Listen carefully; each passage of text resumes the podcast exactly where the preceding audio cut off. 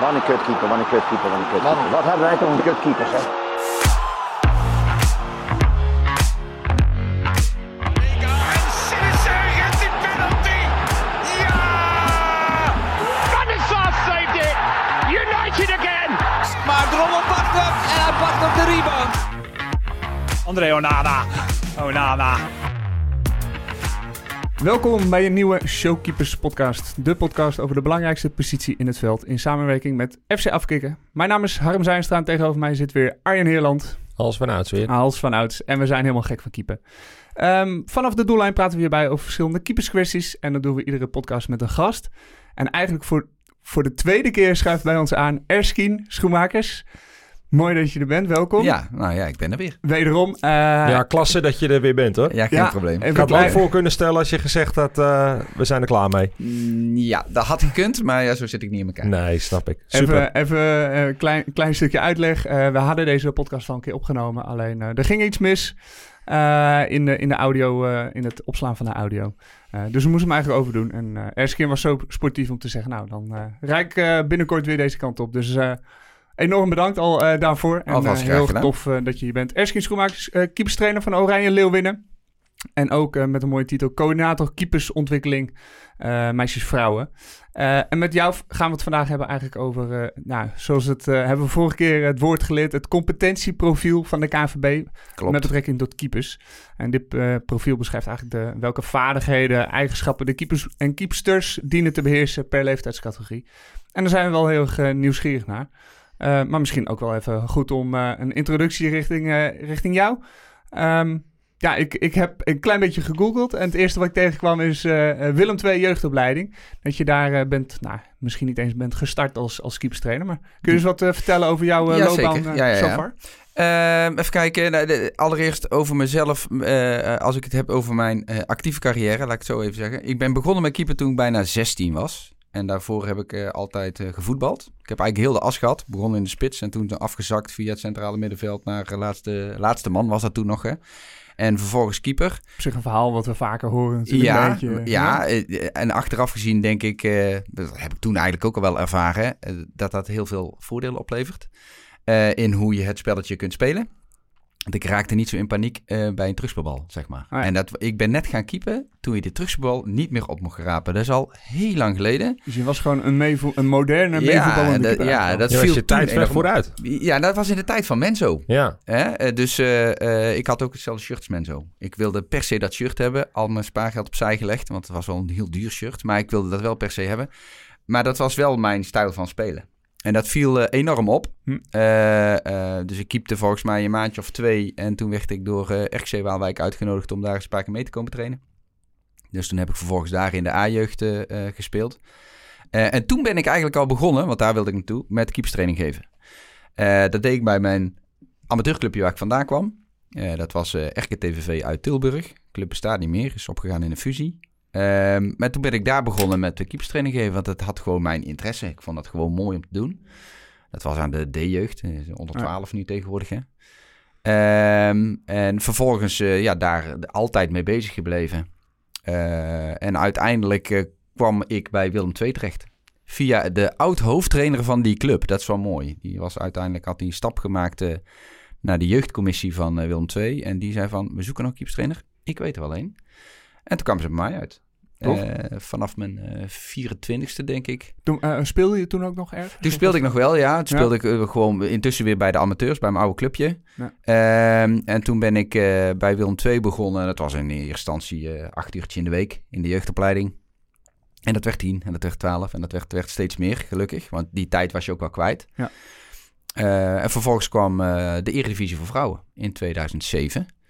Eh, en eh, toen zat eh Andries Jonker was technisch directeur. En die had ook wel affiniteit met vrouwenvoetbal. Natuurlijk vanuit zijn verleden. Is ook bondscoach geweest. En die, ja, toen kwam eigenlijk de vraag van Erskin... eh, We zoeken natuurlijk ook nog een keeperscoach bij het vrouwenteam. Heb je daar interesse in? En ja, ik heb vrouwenvoetbal altijd heel normaal gevonden. Dat was toen niet altijd zo. Maar Hm. voor mij was dat wel heel gebruikelijk. Gelukkig inmiddels. Intussen zijn die tijden Ja. gelukkig veranderd, ja. Ehm, en toen ben ik daar ingestapt.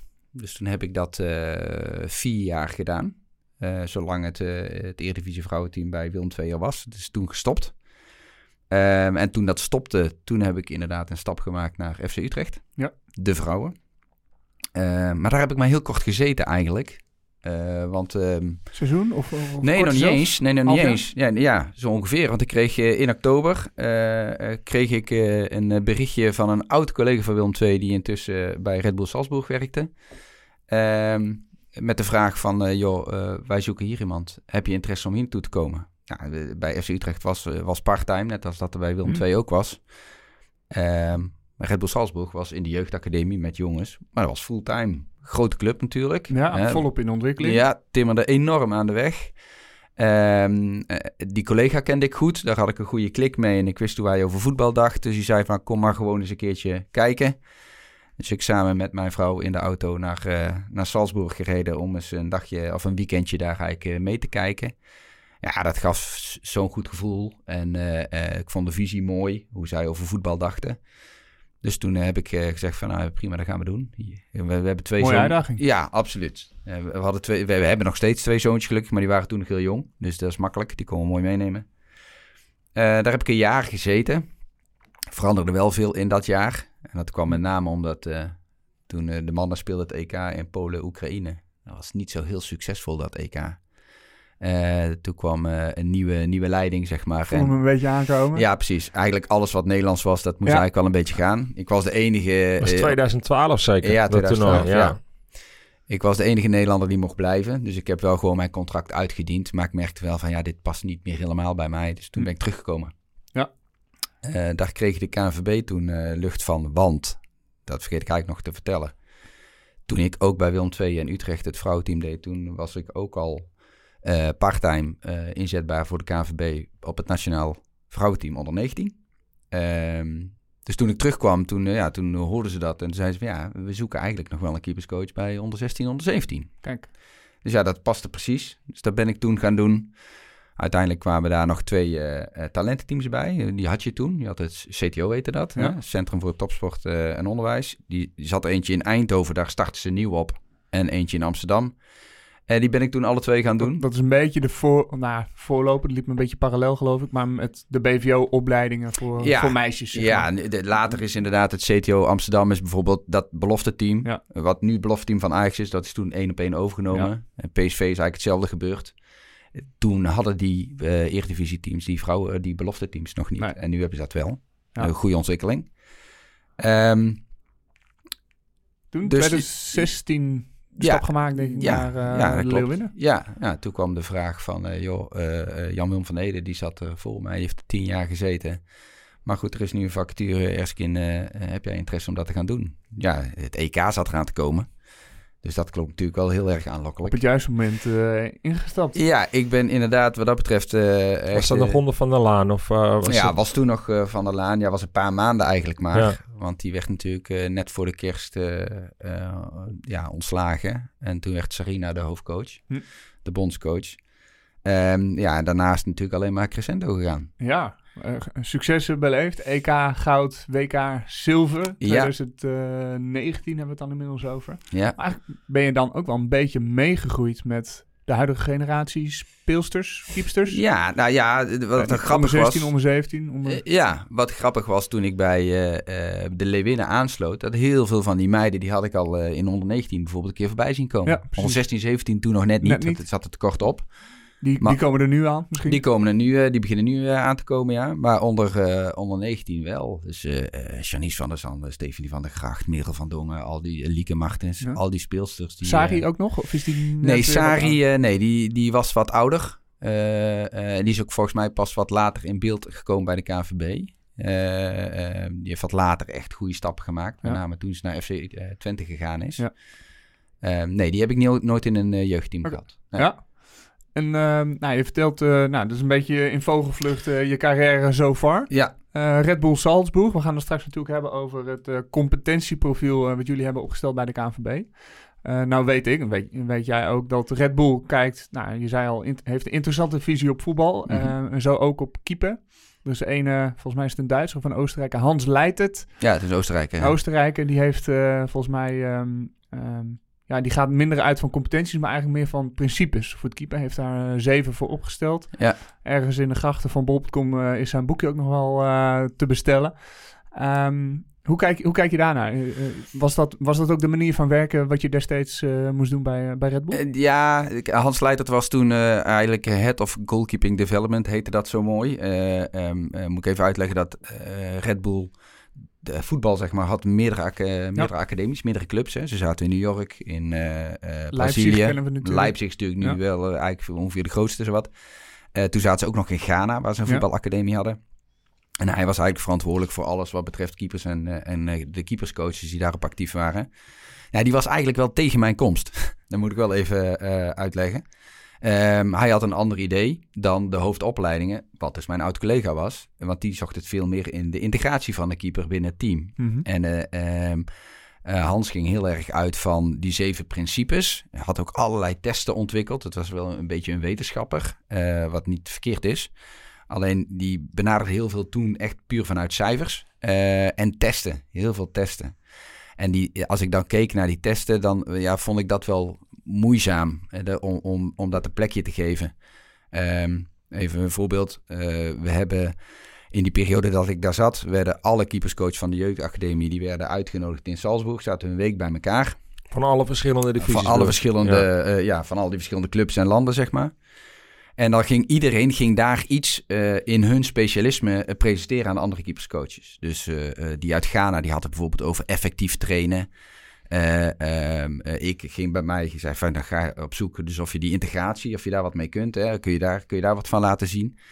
Dus Ehm, het een van de elf eh, principes. zeg maar. Precies, ja. Hè? En hoe integreren we dan die keeper binnen de groep? En heb je ook de leiding over die groep of over een onderdeel daarvan? Want het was natuurlijk een stuk theorie, maar ook praktijk. En eh, op een gegeven moment ging het dan over dat, eh, bijvoorbeeld dat effectief eh, trainen. En dan werd er binnen één van die zeven principes, daar lag de nadruk op, werd er dan getraind. En dan moesten wij turven hoe vaak iemand een foutje maakt. Want de achterliggende gedachte is, als je effectief wil trainen, dan moet je ongeveer op 80% succes zitten. Ja. Als je 50% succes hebt, dan train je ook wel wat. Maar eigenlijk meer hoe je omgaat met tegenslag, want dan raak je gewoon gefrustreerd. Kan ze nu nou ook prima zijn. natuurlijk. Zeker, Ja. zeker. Ehm 100% dan is het te makkelijk. Dus dan, dan leer je eigenlijk weer niks. Dan zit er geen uitdaging in. Als je op 80% zit ongeveer, dat is de theorie erachter. Dan, eh, dan zit er genoeg uitdaging in. Is niet te makkelijk. Dat is het idee. En wij moesten dus eigenlijk gewoon eh, eh, turven hoe vaak die keeper in dat principe een fout maakte. En eh, ehm, ja, daarna werd aan ons gevraagd van, ja, hoeveel had je gedaan? En ehm, ja, daar week mijn mening echt totaal af van de rest. Ik zei van, ja, maar bij mij is alles fout. Oh, keek ze me eigenlijk heel verbaasd aan van, ja, maar hoezo dan? Ik zeg, ja, maar je kunt dit ene principe niet loszien van iets anders. Dus als je hierop gaat testen is leuk, maar volgens mij doe je aan de voorkant iets niet goed, waardoor, waardoor dit niet tot uiting komt. Dus ja, daar hadden we dan wel geregeld discussies over. Ja. Uiteindelijk zijn we wel tot elkaar gekomen hoor. Ehm, eh, dus hij heeft het wat meer vanuit mijn oogpunt bekeken en ik wat meer naar hem. Maar ehm, eh, ja, ze, bekeken het wel wat anders. Ja, hij zit Ja. overigens niet meer daar. Ik weet niet waar hij nu zit, maar volgens mij in Engeland of zo. Ja, hij heeft een adviserende rol volgens mij bij Liverpool onder andere. Nou, Oké. Dus, Hij, of tenminste, eh, dat heeft hij gedaan. ja, ja, geval. precies. Ja. Ja. Ja, ik vind het, eh, nou, de, het uitgaan van principes, dat zie je natuurlijk op het veld ook steeds meer. Spelprincipes in plaats van formaties of systemen. Of, eh, vind ik op zich nog wel een interessant uitgangspunt. En dan kunnen we misschien ook wel met die ogen ook wel eens eh, gaan kijken naar, eh, naar het competentieprofiel van, van, van, van jullie, van de KNVB. Zeker. En nou, Hans heeft er inderdaad zeven opgeschreven in zijn boekje. Die noemde ik net, dat is The Art of Goalkeeping. Juist. Dus mocht je, die, mocht je dat interessant vinden, Engelstalig, maar Hij is ook in Duits natuurlijk, hè? ja, hij is ook ja, zeker in Duits. Voor, de, voor, de, voor de mensen die aan de grens wonen of goed zijn met Duits. Ehm, maar ik ben wel even nieuwsgierig inderdaad. Competentieprofiel. Ehm, nou, even de reden, eh, eh, waarom hebben jullie dit opgezet en hoe is dat ongeveer eh, gegaan? Nou, de ontstaansgeschiedenis, die is wel even interessant, denk ik, om te vertellen. Ehm, wat wij... eh, Je hebt natuurlijk eh, eh, eh, de jongens-mannenlijn binnen de KVB en de meiden-vrouwenlijn. Gelukkig is dat echt heel erg tot elkaar gekomen. Dat is gewoon in elkaar verweven intussen. Maar wij merkten met de, de, de keeperscoach van de nationale meidenteams en vrouwenteams... van ja, oké, die spelers die gaan vooruit. Hè, dat, dat zie je ook. Nou, als we het EK 2017 nog even als voorbeeld nemen... eh, dat was voor keepers niet zo'n heel succesvol EK. Los van Sari. Die steeg daar echt bovenuit. Maar bij andere landen zag je toch nog eens een keer van, Ja, hey, dat was kan ik me ook- wel herinneren. was ook wel eens een beetje het vaak- commentaar, Juist, er kwam Precies. veel te sprake en ook inderdaad. Ja. ja, Ja, en- eh, eh, eh, blunders, makkelijke goals, Ja. eh, schieten ballen net onder de lat en het is kassa. Ja. Dat, dat idee, dat, dat beeld staat er nog een beetje bij inderdaad. Ja, klopt. En, eh, en eh, volgens mij zei Jan-Willem van Hee, eh, zei toen ook van... Ja, maar het heeft ook wel te maken met dat, dat het voetbal heeft zich enorm snel ontwikkeld... maar die keepers lijken daar een beetje in achtergebleven. Dus is daar dan inderdaad de aandacht naartoe gegaan die het nodig heeft... of die het verdient, laat ik het zo zeggen. Dat constateerden wij ook wel van... Ja, we zagen meer speelsters binnen de jeugd... betere speelsters binnen de jeugd... ook wel keepers, maar dat, dat poeltje was gewoon...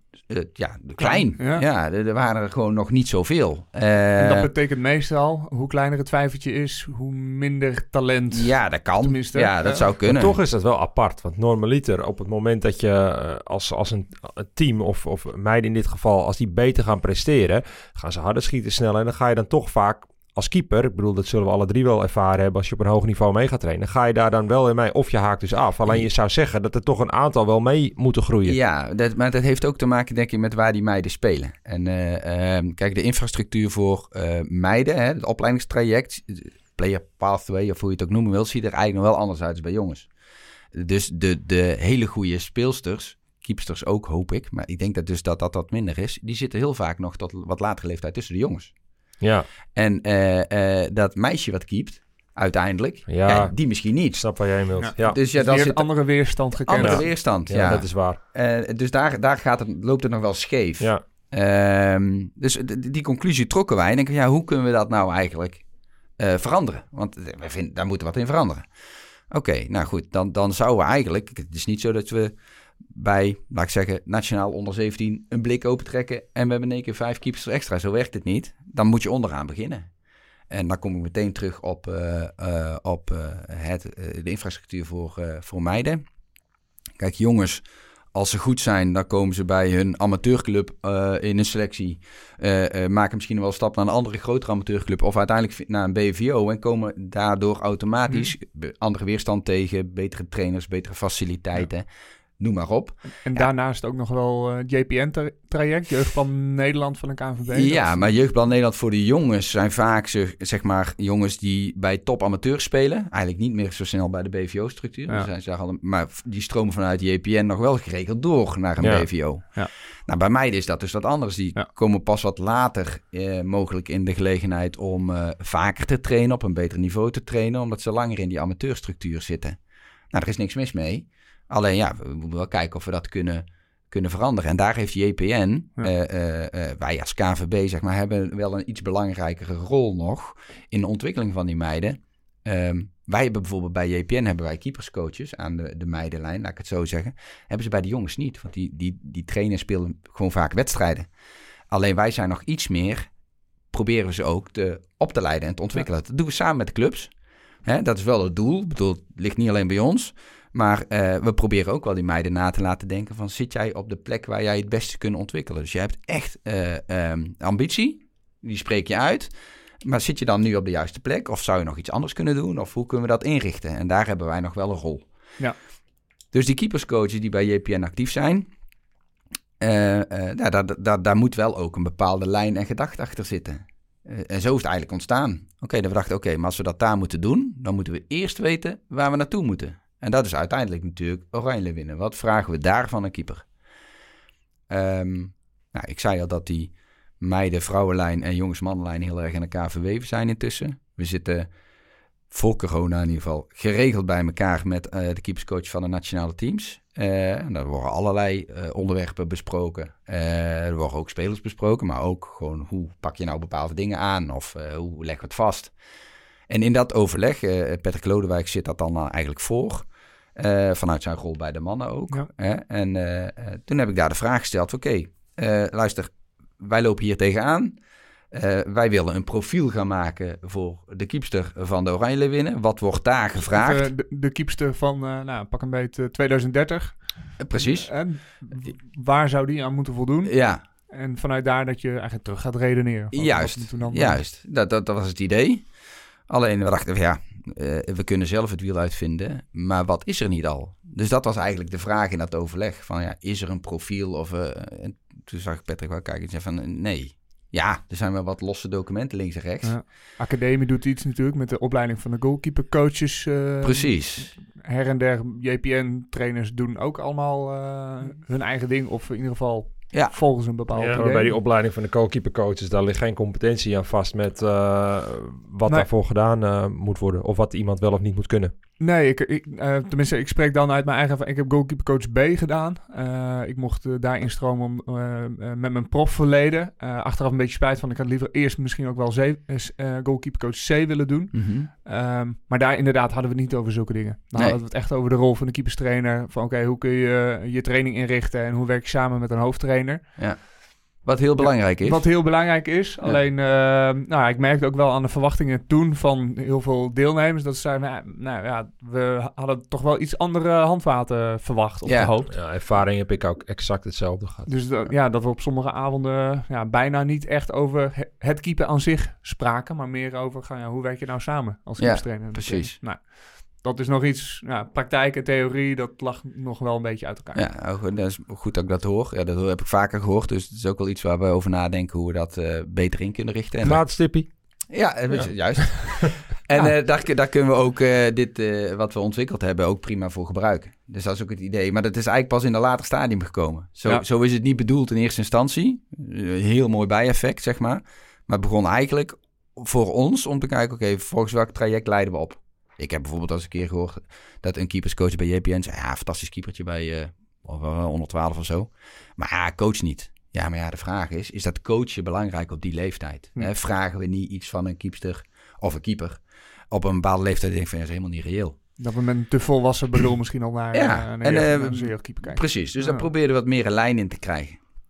Ja, Patrick zei toen ook van, ja, dat, ja, dat is eigenlijk niet echt een profiel, maar dat moet er wel zijn. Ik zeg, nou ja, ik zeg, eh, wij, en met wij bedoel ik eh, eh, Eline Sol, dat is eh, de keeperstrainer, keeperscoach bij onder 16, onder 17 nationaal en onder 23 aan de meidlijn. Hm. Dus ook een fulltimer bij de KNVB. Ik zeg, eh, Eline en ik gaan ermee aan de slag. Wij gaan dat maken, maar ja, eh, haak aan. Ja, graag, zei Patrick. Dus toen zijn Patrick Lodewijk en Siert van den Berg. De keeperscoach van eh Jong Oranje ook, hè? En Ja. onder 16 volgens mij. Nou, Ook een fulltime. hij alleen jong, toch? Nee, volgens mij twee teams. Ja? Ja, Gaat dus binnenkort naar het EK. Ja, ja, ja, ja zeker. Ehm, en die hebben gezegd van, eh, ja, maar dan haken we graag aan. Dus toen hebben Eline en ik de eerste opzet gemaakt. Zo, oké, volgens ons moet er zo een beetje uitzien. Schiet hier eens op. En uiteindelijk zijn we met een, ja, dat is eigenlijk een werkgroepje geworden. Gewoon met elkaar in gesprek. Oké, daar moeten we dat doen, daar moeten we dat doen. En dat is uiteindelijk geworden tot wat het nu is, met veel omwegen wel. Eh, eh, want op een gegeven moment hadden we dat document. En zeggen, ja, dit willen we uitrollen. Dus dan ga je het ook bespreken intern natuurlijk, met een paar mensen bij de KNVB. Eh, en ook met de academie. Of met directeur voetbalontwikkelingen, Art Langer. Ja. Die, die natuurlijk ook weggaat. Maar goed, die... Die moet er wel iets van vinden. die, precies. En die zei van, hey, maar dit is, wel, dit, is, dit is wel een mooi document. Hier kunnen we wat mee. En de academie zei, ja, hier kunnen we ook wat mee. Maar dan moeten we links en rechts nog wel even een paar dingen... Wat logisch is, hè, dat je het wel eigenlijk in dezelfde taal eh, eh, bespreekt. Dus de ontwikkeling uiteindelijk heeft wat langer geduurd. Maar het heeft wel geleid totdat het een breder draagvlak heeft. En op meerdere plekken inzetbaar is. En op welke plekken, je, je gebruikt het nu eh, binnen de JPN-opleidingsstructuur. Ja. Althans, in ieder geval aan de meidenkant. Ja. Eh, wordt dit ook eh, iets eh, wat jullie gaan publiceren of beschikbaar maken voor, nou, laten we zeggen, alle keeperstrainers, keeperscholen eigenlijk in Nederland? Nou ja, kijk, het moet een plek krijgen ook binnen de, de opleidingen die we vanuit de KNVB zelf organiseren. Ja. En dan heb ik het niet alleen over de keeperscoachopleidingen, maar juist ook gewoon de trainercoach. Ja. Eh, ehm, en dus het wordt uiteindelijk openbaar. Kijk, of we het ergens neer moeten zetten dat het zo te downloaden is, dat vraag ik me even af. Omdat het, je moet eigenlijk wel de context even meekrijgen. Dat, het, dat je begrijpt van hoe moet ik het lezen en hoe kan ik het gebruiken. Dus daar zijn we nog een beetje over aan het stoeien. Hoe, we dat, eh, hoe we dat willen doen. Maar het, het is geen eh, staatsgeheim van de KVB. Laat ik dat voorop stellen. Zo, dat is absoluut de insteek was bij ons van luister, we laten iets achter. Eh, en daar moet iedereen gebruik van kunnen maken. Volgens mij is iedereen erbij gebaat om... eh, eh, dat als we betere keepers hebben. Ja. En, en dat dit dan de weg is, nee, dat pretenderen we helemaal niet. Eh, uiteindelijk moet je natuurlijk ook je eigen sausje er misschien wel overheen gieten. En elke club kijkt daar misschien ook iets anders naar. Alleen wij hebben het ideaal plaatje voor de keeper van Nederland zelf gesteld. Op topniveau dus. Dat eigenlijk afgepeld naar leeftijden. Dat is wat jij Ja. in de intro eigenlijk ook een beetje zei. Hè? Dus, dus wat verwacht je dan bij 116, 117? Wat verwacht je bij 112, 113? Eh, en zo eigenlijk teruggebracht. Ja, mooi. Jullie hebben daar eh, volgens mij een beetje richting aan gegeven door eh, nou, de, de competenties van de keepers onder te verdelen in verdedigende acties, aanvallende acties eh, en ook de omschakelmomenten tussen verdedigen en aanvallen. Dat je daar, nou, dat je in die zin een beetje hebt afgebakend. Ja. Eh, en daarin heb je, nou, binnen, als we even aanvallen pakken, heb je ook nog een paar ehm, ja, domeinen waar je, nou, zeg maar, de handelingen of de competenties, moet ik eigenlijk zeggen, onderschaadt. Ja. En inderdaad, per leeftijdscategorie heb je het over eh, aanleren, verbeteren en perfectioneren. Ja. Zou je met name over dat laatste iets, iets kunnen uitleggen van ja, wanneer nou, is iets aanleren, wanneer ga je er mee doorleren, wanneer perfectioneer je iets? Dus- Ja, ja dat kan. Eh, we hebben het inderdaad onderverdeeld in die... eh, we hebben het dan over teamtaken en teamfuncties. Hè? Ja. Dat is ook de termen die de, die de KNVB daarin gebruikt. Waarbij aanvallen dus een, een teamfunctie is en Ja. verdedigen een teamfunctie. Nou, pak even aanvallen eruit. Dus jij zegt, dat hebben jullie ook weer onderverdeeld. Dat klopt. Eh, we zeggen iets over het aanvallen in het algemeen. Wat is dan de taak van de keeper? Eh, eh, maar we zeggen ook iets over, oké, nou, nou heeft de keeper zelf de bal. Dan heeft hij bepaalde competenties nodig. Maar het kan ook zijn dat het team de bal heeft. Ehm, maar dan heb je nog steeds competenties nodig die je dan als keeper moet kunnen inzetten. Ja, En dus zo- even je laatste linies aan het voetballen. Dus dat betekent ook iets voor jou als keeper in positie kiezen, aanbieden, ruimtes bespelen. Bijvoorbeeld, ja. Ja. Maar het kan ook zijn dat ze voorin op de helft van de tegenstander de bal Ja. hebben. Waar ben je dan als keeper mee bezig? Nou, denk aan je restverdediging. Hè? Dat moet je organiseren. Controleren van staat het goed. Dat moet je aan kunnen coachen. Ja. Nou, eh, eh, als je het dan hebt over die stappen van aanleren, verbeteren, perfectioneren.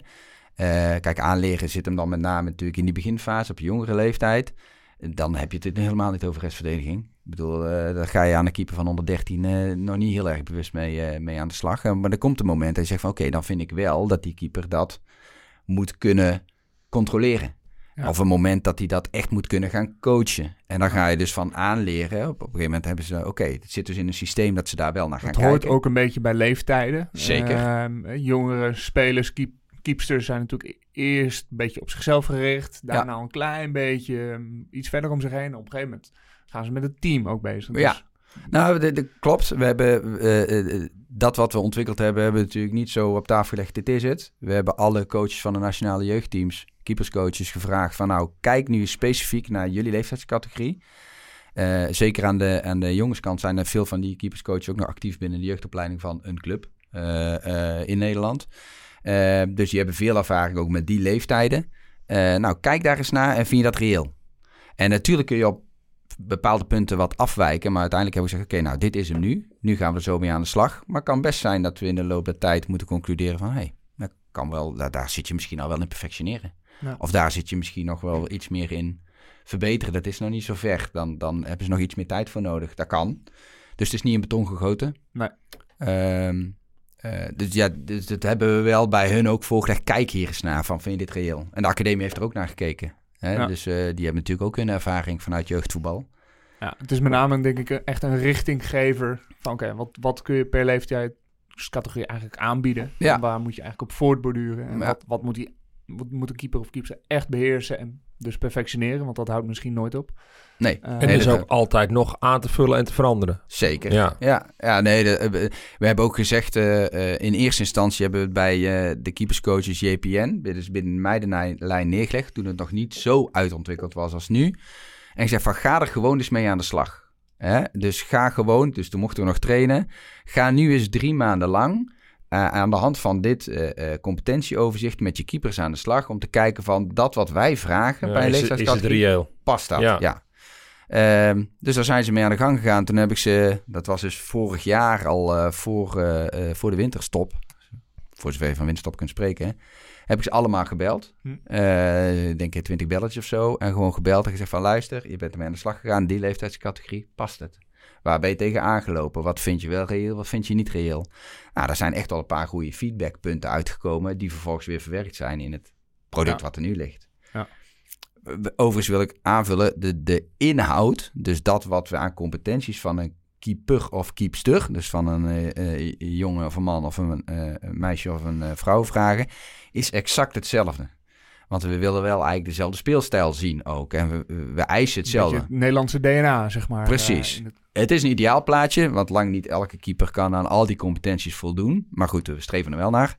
Ehm, wel- welke keeper voldoet in jouw ogen helemaal aan dit plaatje? Als je hem... eh keepster, keepster, ook, ja, als, ik, keepster, keeper. Ja, noem, noem een... eh, ja, als ik een keeper, dan is het meest duidelijke voorbeeld denk ik van de Sar. Ja. Eh, ehm, het is ook een, nou goed, jullie hebben het gezien. Eh, we hebben een, een hele historie natuurlijk in Nederland wat keepers betreft. Eh er zit ook een plaatje in, in dat document. En dat gaat van Eddie Pieters Graafland eh, eh, via Jan van Beveren, Hans van Breukelen, Marleen Wissink aan de vrouwenkant. eh Ette van der Sar noem ik dan, Loes Geurt, Sarah Veenendaal, tot Jasper Sillis aan nu. En dan is Ette van der Sar, dat plaatje is groter. Ja, dat is niet toevallig. Hè, dat heeft echt wel een reden. Dat is niet omdat hij ook groot is, zeg maar. Nee, nee, nee, want dan hadden we volgens mij Jan van Bever ook groter kunnen maken. Of Ja. Maarten Stekelenburg. Kijk, Maarten Stekelenburg komt natuurlijk ook wel heel aardig in de richting, hè? Eh, eh, in, in hoe wij een keeper compleet zouden willen Ja. zien. Alleen Van der Sar heeft natuurlijk nog wel iets Ja, dat is meer eh, met wat hij bereikt heeft ja, natuurlijk te precies, maken. ja. ook. Ja. Ja, maar er staat bijvoorbeeld ook Stanley Menzo staat daarop. Ja, die heeft voor het Ja, die, Nederlands komt elftal- uit, die komt uit jouw koken natuurlijk, als groot Nou, voorbeeld. nee, nee, nee, nee, nee, nee, dat is niet helemaal waar. Maar eh, ik vind hem wel belangrijk, maar dat vonden we allemaal, Ja. in zijn speelstijl. Het is een pionier geweest in die zin Precies. van de nieuwe manier van keeper. Ja, precies. Kijk, en Hans van Breukelen, die had niet die voetbalkwaliteiten, maar die had weer, die dan, als je het alleen over de mentaliteit hebt en Ja. hoe hij om is gegaan met tegenslag, ja, dat geldt voor een keeper natuurlijk ook. Ja, hè? en het hoefde in, in zijn tijd grotendeels natuurlijk nee, ook niet. mocht je nog oprapen. Kun je gewoon een Ja, terugbal... handen. had wel de uitstraling. Ja, Ja, er stond wel een kerel in de goal. Zeker, zeker. Ja, daar liep je niet doorheen. Nee, Uitstraling is ook nog wel mooi. Die is niet, misschien bijna niet te vangen in een competentie. hij is niet meetbaar, hè? Eh, het, is, het is minder meetbaar inderdaad. Maar Ja. ja, het kan soms wel een beetje maken van... Hey, valt een keeper op of niet? Ja, Eh, ja, wel- welke uitstraling heeft de keeper? En spreekt dat dus een scout, een trainer, een, nou, een bondscoach misschien, eh, misschien dus aan? ja, jullie hebben het in een van jullie podcasts gehad over Canizares, Ja, bijvoorbeeld. Ook al zou ja die, die slecht... wel uitstraling. Ja, en ook al Ja. zou die een slechte wedstrijd spelen, stond hij er nog steeds. Want Ja. gewoon alleen al door zijn... Ja, hoe, hoe die er staat. Ja, Ehm, ja, nee, die, die staat ook niet als competentie beschreven. Dat is, dat is zo moeilijk te vangen. Ja. Ehm, eh, het competentieoverzicht is nu, nu nog puur gericht echt op het voetbalgedeelte. techniek, tactiek. Precies. Kijk, en fysiek hoort daar wel bij. Hè? Eh, uiteindelijk eh, helpt als je heel atletisch bent en eh, hoog kunt springen en explosief bent. Ja, dat is natuurlijk absoluut een voordeel. Ehm, ehm, mentaliteit natuurlijk precies hetzelfde. Hoe ga je om met tegenslag? Of ben je stabiel? Weet je wel, dan kun je rustig blijven. Nou, daar kun je allerlei factoren aan hangen. Dat is, zit er nu nog niet in. Daar kijken we wel naar. Hè? Dus we staan er wel op de rol om dat door te ontwikkelen. Dat doen we ook met een aantal specialisten. Om te kijken van, hé, hey, waar kunnen we nu bijvoorbeeld in fysieke zin eh, eh, nog iets winnen? Ja, kun je het best wel ook nog wel meetbaar maken? Of echt ook wel... Precies, Nou, dat zou nog wel kunnen. Ja. Dus, de- dus daar zijn we nog wel naar aan te kijken. We hebben nu puur gericht van, oké, wat kun je bijvoorbeeld aan techniek, tactiek, zeg maar, een keeper presenteren op een bepaalde leeftijdscategorie. Ja. Waarbij het ook niet gezegd is dat, dat je dat bij elke keeper dus kunt doen. Want sommige keepers die lopen misschien op hun leeftijdscategorie beetje vooruit. Kun je zeggen van, Ja. oké, die Die zijn, zijn nog groot, sterk of zijn motorisch al verder dan... eh, zijn een stapje verder. Die kunnen bijvoorbeeld een competentie al heel goed uitvoeren, terwijl anderen in hun leeftijd dat niet kunnen. Maar het kan ook andersom. Ja, zeker. Wat is, eh, wat is de visie, jouw visie, KNVB-visie van eh, hoe je het keeper aanleert? Is dat altijd in een partij? Is dat geïsoleerd als keeperstrainer? Zit daar, moet je roleren of niet? Ja. Dat is best wel lastig om dat bij een amateurvereniging... en la- eh, later misschien zelfs ook nog wel bij BVO's... Mm. best nog wel lastig om dat goed vorm te geven. Ja, nou, dat klopt. Eh, nou ja, wij hebben daar wel een duidelijk beeld bij. Ehm, kijk, eh, het moderne voetbal vraagt om keepers die eh, motorisch goed zijn, die goed kunnen voetballen en vooral ook wel ballen tegen kunnen houden. Echt een super, super atleet. Ja, eigenlijk wel. Ja. Ehm, we willen allemaal die eh, allrounder die eigenlijk alles kan. Dat is het mooiste. Alleen als je dan op hele jonge leeftijd al vast in de goal belandt, dan ga je bepaalde competenties gewoon niet ontwikkelen. Motorisch niet, want je staat gewoon wat vaker stil. Dat is gewoon de praktijk. Eh, maar ook gewoon in voetbal in de zin van gewoon een bal aan kunnen nemen en een bal kunnen verplaatsen. En zonder druk, oké. maar met druk is ook Ja. een verhaaltje. Dus wat wij eigenlijk vinden is dat, kijk, de KNVB heeft sowieso de visie dat tot en met 112 eh, kom je eigenlijk in alle posities terecht. Maar de keeper die werd daar nooit in meegenomen. Ja, Ja, die stond er gewoon. Ja, die stond er dan gewoon. Dus wij vinden dat je tot die leeftijd eigenlijk gewoon niet met vaste keepers moet werken. Dus eh, eh, laat kinderen vooral roleren, ook bij trainingen. Hè? Dus je bijvoorbeeld in vormpjes, en dat gaat nu bijvoorbeeld in de Rinus-app gebeuren, hè? De, de trainingstool die de KNVB heeft. Eh, dan word je bijvoorbeeld van aanvaller word je verdediger en vervolgens word je weer aanvaller. Nee, nu word je aanvaller verdediger en vervolgens word je bijvoorbeeld eerst keeper en dan weer aanvaller. Heeft een paar voordelen. Eén, ja, je komt met al die competentie in aanraking. Je leert op jonge leeftijd spelenderwijs ook gewoon wat keeper is. Een keertje vallen, een keertje duiken, een keer een bal vangen. Eh, dat soort dingen.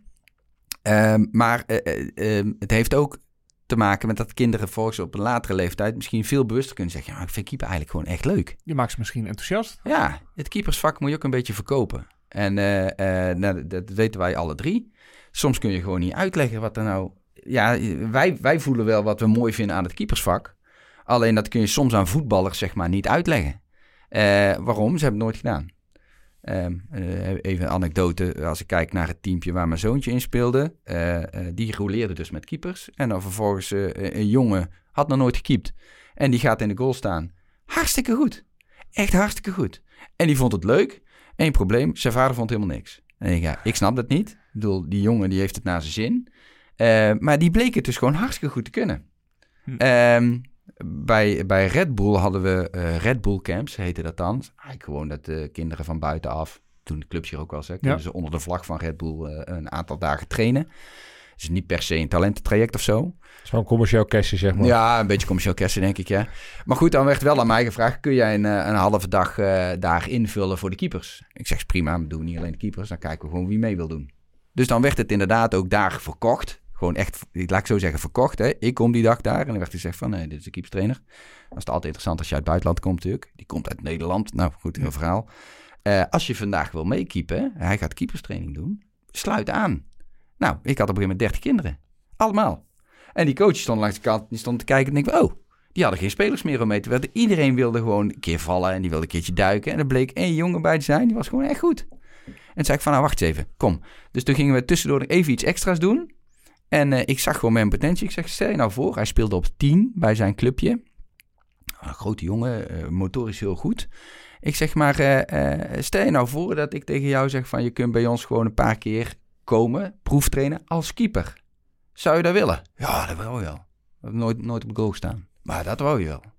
Dus het heeft ook heel veel te maken met ja, hoe je het verkoopt. Maar dan Ja. moet je er ook mee in aanraking En- komen. En keeper, of tenminste, ja, misschien eh, ben ik niet helemaal objectief. Maar als, als, als kind kan ik me best voorstellen dat keeper al hartstikke leuk is. Ja. Je mag eh, duiken, eh, je mag rollen, je mag ballen in je handen pakken. Je hebt andere regels, je hebt, of extra regels. Ehm, dus het is misschien ook wel weer een extra uitdaging en eh, best wel dicht bij een beleefwereld van een kind. Die Ja. ja. ja, laat kinderen spelen, stoeien in de speeltuin. En ze liggen ook op de grond en ze springen ook en ze doen het. Ja, dat is misschien ook wel gewoon keeper. Ja, zeker. Nou, dat denk ik ook. Kijk, en als je gaat roleren is een ander bijkomend voordeel. Is, je hebt natuurlijk wel eens dat je als teampje gewoon veel beter bent dan de tegenstander. Nou, dan eh, zie je de keepers af en toe verkleumd eh, aan de ene kant staan. Ja, Ja. dan- goed, het is dan misschien één half wedstrijdje of zo.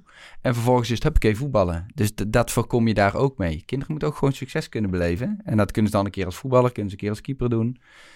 Ehm, ja, dus dat vinden wij wel een, een Ja, ik ben het wel met je eens. Alleen het, het strookt natuurlijk totaal niet met hetgeen wat, wat eh, BVO's natuurlijk doen. Want BVO's die beginnen allemaal bij, sommigen al bij onder 8, maar de rest allemaal bij onder 10 of eh, onder 11. En enkeling begint bij eh, onder 12. Ja, Maar al die andere clubs die beginnen Ze wel al. En die, bij. en die Ja. scouten ook echt gewoon keepertjes. Het is Ja. niet zo dat die zeggen van joh, we selecteren er wat, hier heb je een paar handschoenen en dat doen jullie eh, om de week. Ja, nee, daar ben ik met je eens. Ja, dat, dat, dat zal nog wel een uitdaging zijn. Net als dat het bij amateurclubs ook een uitdaging zal zijn om ze zover te krijgen dat ze inderdaad met keepers roleren. Ja. Eh, en er zullen altijd wel jongens of meiden zijn die zeggen, ja, maar ik wil per se keeper worden. Oké, dat kan dan, maar dan moet hij nog steeds, hij of zij, nog steeds ook wel voetballen. Kijk ook even naar mijn eigen zoontje. Toen die begon, onder acht of zo, ja, hij zag mij natuurlijk altijd met de handschoenen.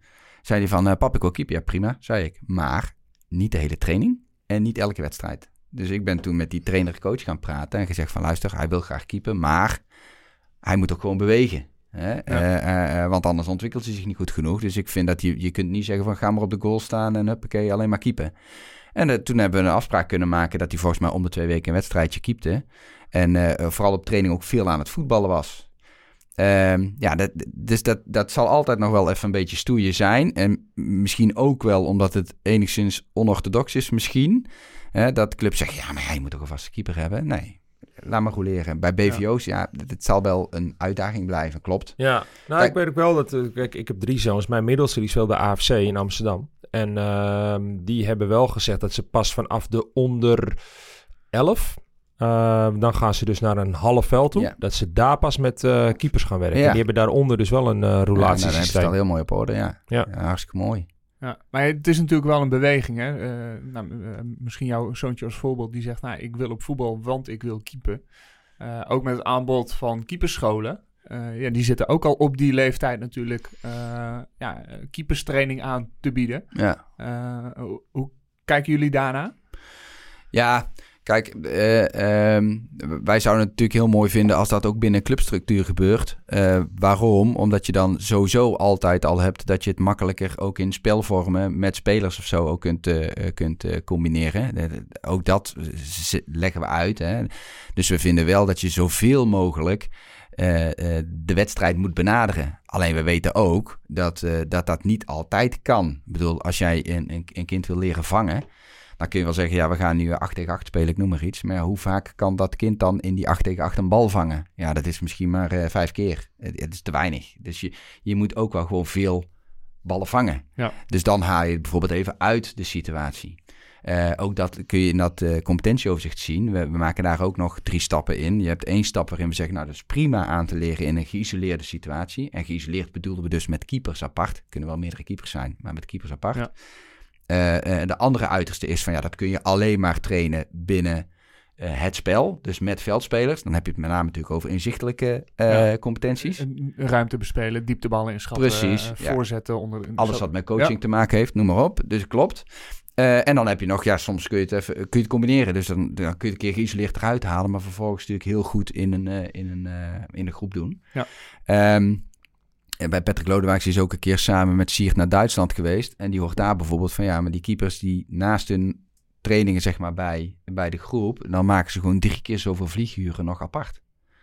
Hè? Eh, eh, eh, dus ik bedoel, dat maakt toch wel een verschil. Dus, de- de- en volgens mij zijn de Duitse keepers aardig op. eh, Ja, Hebben aardig. Maar dat is dus- voor elkaar. Je bent me wat dat betreft voor, want ik, ik wou net inderdaad zeggen, kijk, ik, ik train natuurlijk een heleboel van die jongetjes in die leeftijdscategorie. En eh, met name de jongens van, nou, noem het even 12 tot 14, die zien niet in dat de voorbeelden wat jij geeft in een partij en dergelijke, dat dat keeperstraining is. Ja, dat zien ze niet in. klopt. Die zeggen tegen me, ja, ik krijg maar een half uur keeperstraining in de week. Ja. Die, die eh, zien onder keeperstraining alleen het geïsoleerde eh, verhaal. Ja. En wat jij nu vertelt over Duitsland, dat heb ik ook al gehoord. Die doen eigenlijk alles wat er ook normaal gebeurt. Alleen die hebben daar omheen inderdaad nog gewoon echt aparte keeperstraining. Ja. En dat is wel meer. Die maken gewoon meer uren gewoon dan, eh, dan hoe dat in Nederland aan de Ja. is. Nou, en dat is ook wel waarom we aan nadenken zijn over... oké, wat voor plek geef je die keeperscoach, keeperstrainer nu? Eh term hoor altijd een beetje... Het maakt niet zoveel uit, vind ik. Maar eh, hoe, ehm, eh, wat voor plek geef je die binnen een club? Als Ja. we het even over clubstructuur hebben. Eh, vaak zie je inderdaad eh, dat eh keeperstrainers dan helemaal apart... en eigenlijk zijn die keeperstrainers nooit bij wat er dan in zo'n team gebeurt. Nee, Of, eh, en terwijl je daar ook een paar accenten kunt leggen. Ehm, dus dat werkt een beetje twee kanten op. We proberen dat te stimuleren. Hè? Dus eh, hoe, eh, wat voor rol kan die keeperscoach hebben bij een team? En, maar ook die hoofdtrainer, die verantwoordelijk is voor dat team. Ja, wat, wat doet die eigenlijk om zijn of haar keeper te helpen? Ja. Ehm, eh, wat weet hij ervan? Dus dan maak ik meteen weer even de link naar eh, eh, het overzicht. Hè. Je hebt een heel schema waarin zeg maar, die competenties beschreven staan per leeftijdscategorie. Maar daarvoor zit eigenlijk altijd een sheet van... oké, het gaat nu over eh, aanvallen, opbouwen vanaf eigen helft, ik noem maar even iets. De keeper heeft de bal. Wat zijn dan de algemene taken? Ja, daar kan een trainer-coach natuurlijk ook prima iets over ja, zeggen. heel erg. Alleen, hoe vaak gebeurt dat? Nou ja, ik, ik, ik kom het natuurlijk heel veel tegen. Eh, ik kom bij heel veel clubs voor mijn werk. Ook samen natuurlijk met de KNVB. En dan eh, ehm, ja, bevragen we clubs inderdaad van ja, op welke manier ben je het aan, het opleiden? Op welke manier wil je spelers beter maken? Wat is jullie idee bij voetballen? Ik lees al die technische beleidsplannen, al die opleidingsvisies. Ja, of niet of nauwelijks eh, staat de rol van de keeper Ja. expliciet beschreven. Ja. Zo nu en dan wel. Eh, en dat is dan soms ook nog eens dan geschreven door, nou oké, keeperstrainer, schrijf jij een stukje van wat je wil. Maar heel weinig in de integratie van, ehm, ja, van het team. En dus ook in het takenpakket van een teamtrainer. En de ene trainer zal er misschien iets meer mee hebben. Eh, en die zal eh, misschien daar wel een beetje op sturen en coachen. Of misschien zijn vormpjes op inrichten. Maar ja, mijn beeld daarbij is dat het nou, te weinig nog gebeurt inderdaad. Ja, Nou, maar eh, het is denk ik ook gewoon zo dat ze hebben een trainer van de onder 10, van de onder 11, onder 12, onder 13, onder 14, onder 15. Daar zijn allemaal de trainers voor eh, ingedeeld. En dan roept er iemand van, je hebt wat voor de keepers. En dan wordt er eentje gehaald en die moet dat Alles allemaal doen. gaan doen. en die moet doen. er eventjes, Ja. nou oké, hij krijgt, als hij mazzel hebt, twee uurtjes. Dus dan heb je de onder 8 tot en met de, de onder 13 en de onder 14 tot en met de onder 19 in het tweede uur. En de beste En mag het er naar allemaal doorheen draaien. Ja. Ja. Is ook zo. En dat, klopt. is, dat, dat zijn soms budgettaire overwegingen. Van Ja. oké, hoeveel keeperstrainers kunnen we vinden die voor x bedrag eh, zoveel eh, keepers onder de handen gaan nemen. En qua ruimte, waar ga je trainen? Ga je ergens een veldje achteraf of train je gewoon al op het veld waar ook het team traint? Dan is die stap ook al veel Veel makkelijker, te maken. Ja. Dus dat, dat zijn allemaal wel ja, dingen die, daar ligt nog wel heel veel uitdaging Ja. in. Omdat, eh, Ja, en misschien zit dat ook, nog een kleine toevoeging, ook wel in die opleidingen UWVC, UWVB, UWVA. Oké, welke aandacht krijgt de keeper daar bij een teamtrainer? Nou, dat, dat is. Nou, nou maai jij het gras van mijn voeten weg. Ehm, we zijn inderdaad met een klein teampje waar Patrick Lodewijks en ik dan onderdeel van uitmaken. eh, wel aan te kijken hoe kunnen we nu in eerste instantie binnen eh UWVC, jeugd. Gewoon eens kijken van wat kunnen we daar nu aan input geven aan trainer-coaches, zodat zij eh, die rol van de keeper beter kunnen begeleiden, zeg maar, hè, bij, bij trainingen, als ze geen keeperscoach hebben. En hoe zetten ze een keeperscoach in als die er wel is? Hè? Dus wat mag je dan van die keeperscoach verwachten? Eh, we hebben dit overzicht namelijk, eh, heb ik, ik, maar Patrick ook, en volgens mij heeft Siert dat ook gedaan, wel besproken met een paar mensen in de amateurwereld ook. Want wij zijn, hebben dit in eerste instantie benaderd vanuit top. Hè, wat verwachten we in de top? Dus eh, nationaal team, BVO's, JPN. Precies, ja. Dat heel eh, die lijn eigenlijk, ja. Eh, maar goed, het gaat bij amateurclubs natuurlijk niet altijd op. Ehm, maar is het bruikbaar voor amateurclubs, ja of nee? Want eh, eh, eh, als ze daar ook eh, wat meer een onderlegger hebben, ja, misschien helpt hun dat ook wel in het uitstippelen van een trainingsplan. Of, Ja. hè? Dus toen ben ik met, ik heb gezeten met de jeugdcoördinator, ik heb gezeten met een hoofdcoach bij een club. Nou, die hoofdcoach zei bijvoorbeeld, die heeft ook een onderwijsachtergrond, eh, LO, dus die, die bekijkt het ook nog eens vanuit eh leeftijdsspecifiek. Ehm, dus die was wel zeer geïnteresseerd. Hij zegt, ja, mij zou het bijvoorbeeld al heel erg helpen als ik dus gewoon weet wat, wat een, de taak van de keeper is binnen een bepaalde teamfunctie. Wat verwacht er dan nou eigenlijk van? Ja. Want ik weet wel wat ik van mijn team verwacht en ook wel van mijn eh, centrale verdediger en mijn back. Maar die keeper, eigenlijk, daar heb ik eigenlijk nooit zo echt over het heel nagedacht. vaak toch? Eh, trainers, teamtrainers, hoofdtrainers die zeggen, ja, keeper, ja, ik heb er eigenlijk niet zoveel eh, verstand van. Precies. Dus die zei van, dat zou mij al helpen, want het geeft mij inzicht. Hij zegt, ja, dan is natuurlijk de volgende stap is dan van, nou, oké, hoe maak ik dan bijvoorbeeld bepaalde dingen trainbaar? Zegt hij, daar heb ik dan wel mijn keeperscoach voor nodig. Ik zeg, ja, maar dat zou al winst zijn, hè? Als jij met je keeperscoach in overleg gaat, of andersom, de keepercoach met jou in overleg gaat, van, hé, hey, ik zie op zondag continu dit gebeuren. Kunnen we daar niet met de groep een training voor maken? Eh, dan, dan ga je het samen doen. Hè? Dus dan, dan is er onderleg, onderling overleg. Je kunt iets eh, over de rolverdeling, hè? wie doet wat. Ja. Ehm, eh, en dan moet je kijken natuurlijk, eh, wat zijn dan de kwaliteiten van die coach, maar ook de kwaliteit van die keeperscoach. Kunnen we, dat, kunnen we elkaar aanvullen? Ja, volgens mij maak je dan echt wel een kwaliteitsslag. Ja. Maar daar, daar is nog wel een wereld te winnen, absoluut. Ja, nou, ik zit even inderdaad aan het voorbeeldje wat Arjen net schetste. Ja, soms heb je één, soms twee keepers, trainers, coaches binnen een hele amateurvereniging. Ja. En dan is het natuurlijk lastig om voor die ene keeperstrainer met nou, die zes, zeven, acht, negen verschillende teamtrainers dit overleg te hebben. Ja. Dus daar, ja, daar, ja ik, snap, ik snap wel dat dat lastig is en dat Ja, daar heel zeker. veel, eh, nou, nog een wereld te winnen is. Zeker. En eh, maar voor die praktijk, wat jij zegt, is dan hopen we dat dat competentieoverzicht wel weer enigszins helpt. Want Ja. je kunt wel eh, per leeftijdscategorie zeggen van, oké, raak ik alles aan? Ja, voor de ene keeper is iets even iets minder van belang, omdat hij dat al goed kan. Eh, maar voor de andere wel. Dus je kunt wel zeggen, oké, kan ik alles terug laten komen? En, eh, ja, het, het blijft wel in overleg, ja, dat klopt. Dat houdt in dat keeperscoaches het overleg moeten zoeken met een coach. Maar ook dat die coaches wel eh, openstaan voor wat er vanuit de keeperscoaches komt. Ja. ja absoluut. Voor, voordat we nog even echt dat, nou, een paar van die competenties eh, misschien er even uitplukken. om een beetje idee te krijgen wat, er, wat daar staat. Eh, je noemde, nou, we hadden het net even heel kort over nou, eh, het keepersland in Duitsland. Ehm, nou, dit is een beetje het ideaal plaatje voor, voor Nederlandse keepers. Eh, eh, wat zijn een beetje, waar onderscheidt een Nederlandse keeper zich op ten opzichte van een Belg, een Italiaan, een Spanjaard, een Engelsman of een Duitser? Is, is dat te benoemen? Ja, nou goed, de, kritiek is natuurlijk, met name nu eventjes aan de mannenkant, was dat zo dat van, ja, hebben wij die absolute toppers nog? Hè? Dus die van de Sar die we jarenlang gehad hebben, eh, ehm, hebben we die nu ook? Ja. Ehm, ja, de vraag is of wij ons nu echt onderscheiden. Ik, ik denk het eerlijk gezegd even niet. Eh, wat niet wil zeggen dat we per, per definitie slechte keepers hebben. Maar eh, we hebben niet... eh, kijk maar naar de buitenlandse competitie. Daar spelen momenteel eigenlijk geen Nederlanders. De enige die, eh, die van naam nu dan is volgens mij Sillissen. Mis ik dan iemand? Ja, Krul speelt Krul Champions- natuurlijk, ja. Championship. Maar, ja, precies, oké. Staan we Ja, wel en aan. ik denk nog dat Sillissen speelt bij de gratie van hem in de etalage zetten. Ja, nou ja, ook. precies. Ja, dat, hij precies. speelt. Ja, punt. Ja, dat is voor hem belangrijk, Ja. zeker. En, en voor, voor ons ook. Ehm, maar die tijd dat we bijvoorbeeld eh, eh, eh, wat meer toppers in het buitenland hadden, ja, die is er nu even niet. Kijk, als ik nu kijk naar de absolute topkeepers, volgens mij in Duitsland zei ik al, die scoren heel erg hoog. Ja. Ja, in Engeland zie je ook wel aardig wat goede keepers lopen, maar dat zijn er vaak ook geen Engelsen. Nee. Ehm, Echt Engelse keepers, die ze zijn in de breedte volgens mij wel redelijk sterk. Maar ze hebben, ja, Pickford, Henderson, dat, dat zijn misschien de nummer 1 en 2. Even, ja. eh, Spanje, De Gea, ja, Spanje heeft natuurlijk wel een aantal goede keepers, ja. Ja, Kepa zit momenteel even niet, eh, niet, zit niet zo lekker, lekker, in. Maar nee. wellicht wel dat hij eh, nog die aansluiting kan maken. Eh, Simon, volgens mij, van eh, Bilbao, die Ja. eh, wel aardige stappen maakt. Maar inderdaad, volgens mij is Duitsland even het eh, Ja. misschien wel beloofde land eh Ja, dat, keepers. En is het dan echt het verschil dat zij die vlieguren maken? Of zit er ook een verschil in visie of hoe zij een keeper... Nou, er zit dus een verschillende visie. Hè? Dus, dus extra vlieguren maken. Ja? Eh, eh, dat heeft daar wel mee te maken, denk ik. Eh, maar zij hebben natuurlijk al omslag gemaakt ook naar die keeper die gewoon heel goed mee kan voetballen. Dat begon bij Neuer. Ja, en nu heb je ook Ter Stegen die natuurlijk fantastisch kan. Nou, hij begon net iets eerder volgens mij. Bij het moment dat Jens Leeman de voorkeur kreeg boven Oliver Kaan. Volgens mij Ja. is toen wel echt even... ja, ja, maar die trend gezet, Ja, maar. dat klopt. Maar die vond ik nog niet zo...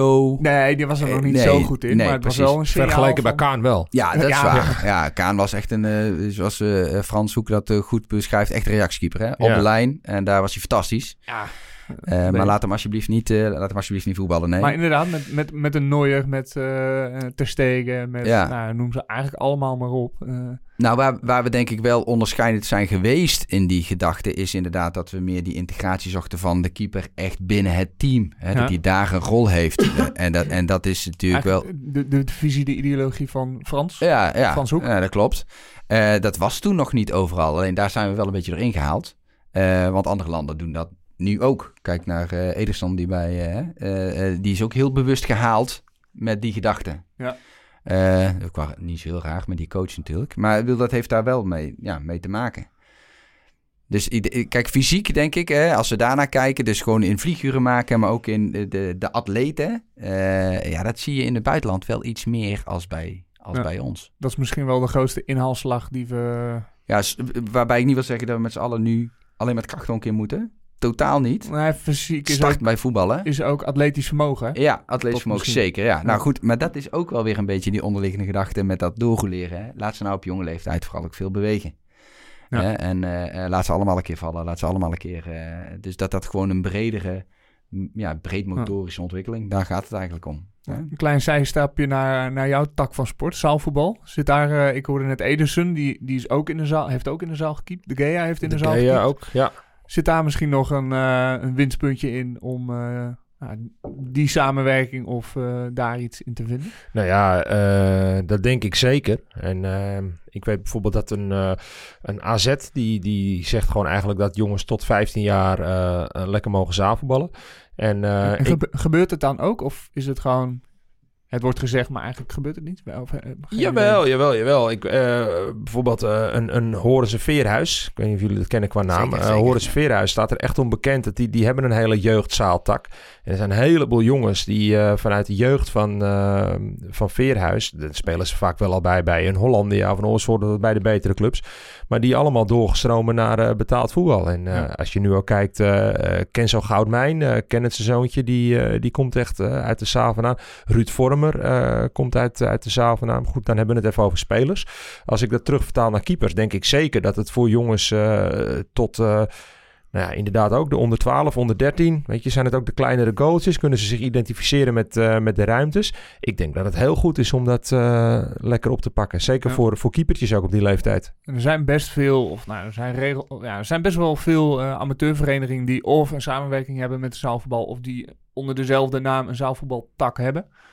Dus misschien daarin jouw advies, zoek, zoek de samenwerking op en ja, wissel de trainingen af, zaal, veld, eh, binnen, buiten. Dus Ja, gebeurt ook al hè. Ajax doet dat ook. Die, die Ja. trainen ook met eh, jongetjes in de, eh, in de zaal. En ja, natuurlijk is dat voor voetballers in het algemeen. Maar ook eh, voor keepers denk ik dat, eh, dat zeker. mooi. Jij daar, Nou, dan krijgen we op veld ook keepers die die bloktechniek allemaal fantastisch beheersen natuurlijk. Maar dat is wel... eh, je, Ja. je ziet nu geregeld keepers die zijn er naar op zoek, maar die hebben hem nog net niet Nee, helemaal. nee, die dat doen klopt, hem, eh, ja. of te ver weg, Ja, of te laat, Precies. of verkeerd mom. eh. verkeerde been, zie je ook ook eh, zeker de podcast met Peter Rozenbeek, die hem echt tot in detail kan bespreken Ja. wat daar goed of fout gaat. Het zijn echt wel hele interessante. ja, het is een hele interessante techniek, die we dus ook heel veel bij de Duitsers Ja, terugzien. Precies. Eh, en die hem daar nou, vaak wel eh, iets beter inzetten nog dan, eh, dan dat we hier soms zien. Ja, terwijl het Duitse zaalvoetbal juist weer een heel stuk achterloopt ten opzichte van... de- ja, dan. dus dat is wel apart. Die gaan er wel heel hard aankomen nu hoor. Maar, eh, dus dat is wel grappig. Nou, dat gaan we, gaan we meemaken dan de komende jaren. Ja, Ehm, we hebben het over de waarde van dit competentieprofiel, ook Mhm. richting amateur ehm, trainers. Volgens mij eh, is er inmiddels, denk ik al, als deze podcast uitkomt, ook een artikel in de voetbaltrainer. Ja, in de voetbaltrainer. Ja, eh, klopt. verschenen over, over dit. Is, Ja. is dat ook de manier waarop we, nou, jullie in dit geval, het, eh, de trainers, keeperstrainers proberen te beïnvloeden? Eh, ja, en, en bewust te maken. Hè, be- bewustmaking is al een heel groot voordeel als we dat voor elkaar krijgen bij zowel trainercoaches als bij, bij keeperscoaches. Dat artikel in de voetbaltrainer richt zich met name nog een beetje zeg maar, op, op weliswaar op de top. Eh, eh, maar we zeggen al wel wat over het leren, hè, tot, met Ja. onder, eh, tot en met onder 12. Ehm, eh, het overzicht jullie hebben overigens, daar staat al wel onder 11, onder 12 in. Hè? Dus op het moment dat je wel een keer met keepers wat apart gaat doen, dan heb je wel een idee van oké, dat kan daar. Maar in, in principe zeggen we van nou, tot met 112 zoveel mogelijk roleren. Eh, volgens mij doen ze in Bussum, eh, BFC doet dat volgens mij Ja. ook. Hè? Dan laten ze het ook je roleren. hebt hetzelfde verhaal een beetje AFC. Ja, ja precies. Nou goed, dat is alleen maar goed. Ik denk dat een hele positieve ontwikkeling is. Ehm, ja, en, en wees eerlijk, zet een groepje spelers bij elkaar, gooi je handschoenen in het midden, zeg wie wil keepen. Volgens mij pakken ze allemaal die handschoenen op. Ja, volgens Iedereen mij. vindt het cool. Eh, hoe, hoe- wat hebben jullie vroeger? Maar als ik al nieuwe handschoenen had, man, dan was het toch werelds. Ja, dan voel je je wel lekker eh Ja. tussen de Ja. palen. Ja, ja, of niet eens tussen de palen. Zat ik thuis, had ik ze aan. Oh, dat is toch heerlijk? Ja, eh, zo was het gewoon. vertelde dat Kostas, die zat achter op de achterbank eh, met de keeper, Hand- nieuwe keeperhandschoenen ja. aan. Die- kon gewoon uren in de auto zitten met die, met die handschoenen aan. Ja. Hij vond het geweldig. Ja, blijft mooi spul. Dus Ja, dat, eh, ja, absoluut. Daar gaan we zeker denk ik nog wel eens een podcast over maken. Gewoon over nou, het materiaal. Het materiaal, ja. Het materiaal, want dat is wel een mooie. Ehm, maar inderdaad, volgens mij eh, nou, via de voetbaltrainer, via de Rinus-app, dus die Ja. gratis trainers-app van de KNVB, eh, komt deze visie eh, naar voren. Ja. Ook las ik al een aantal artikelen op de KNVB-website. Onder andere dus het artikel over BFC Bussum, hoe zij eh, nou, de keeperstrainingen integreren of hoe zij eigenlijk de keepers opleiden. Dus dit, dat zijn wel een beetje de manieren samen met nou, de opleidingen, hoe dit competentieprofiel eigenlijk door het land heen verspreid wordt. Ja, ja we, hebben het, eh, als we het dan hebben over BVO's. eh eh, Eline en ik zijn wel bij een aantal BVO's die een vrouwenteam hebben op bezoek geweest al. De corona gooit een beetje goed, goed in het eten. Maar om daar uit te leggen van oké, dit is de manier waarop wij het nu benaderen. zo gaan wij ermee werken. Ja, nou goed, doe je voordeel mee. Hè? Dus kijk maar of je het kunt gebruiken. En nou, net zoals ik weet dat PSV heeft ook een profiel. Eh, eh, dat is hartstikke goed. Eh, ik denk, Ajax zal ook een profiel hebben. Dat weet ik niet zeker. Maar goed, die, die zullen ook al eentje hebben. Ja, hartstikke goed. Ja, maar kijk maar of je er iets mee kunt. Ik bedoel, het is niet zo dat, dat zei ik eerder al, dat dit de weg is. Hm. Maar we kunnen wel... We praten. Precies. En we praten wel over hetzelfde. Dus als we. Die is wel interessant, misschien even en leuk om te vertellen hoe wij het dan gebruiken als we terugkoppeling geven aan keeperscoaches bij de clubs. Dus er komt een keepster, komt bij ons, of, of een keeper hè, bij het nationaal team. Eh, die is dan bijvoorbeeld een week of tien dagen bij ons. Daar krijgen wij een beeld van. En vervolgens koppelen we dat uiteraard terug naar de keeperscoach. Van hey, hoe heeft hij of zij het gedaan? En dan kan het best zo zijn dat je zegt van oké, ik vind dus dat ze. Ik praat nu even over haar. dat ze eh, bij deze competentie, ja, die beheerst ze fantastisch. Daar, daar is ze bovengemiddeld goed. Dus dat, dat is voor ons haar absolute asset, zeg maar, haar sterke punt. Eh, ehm, maar hier vinden we, scoort ze nog een beetje ondergemiddeld.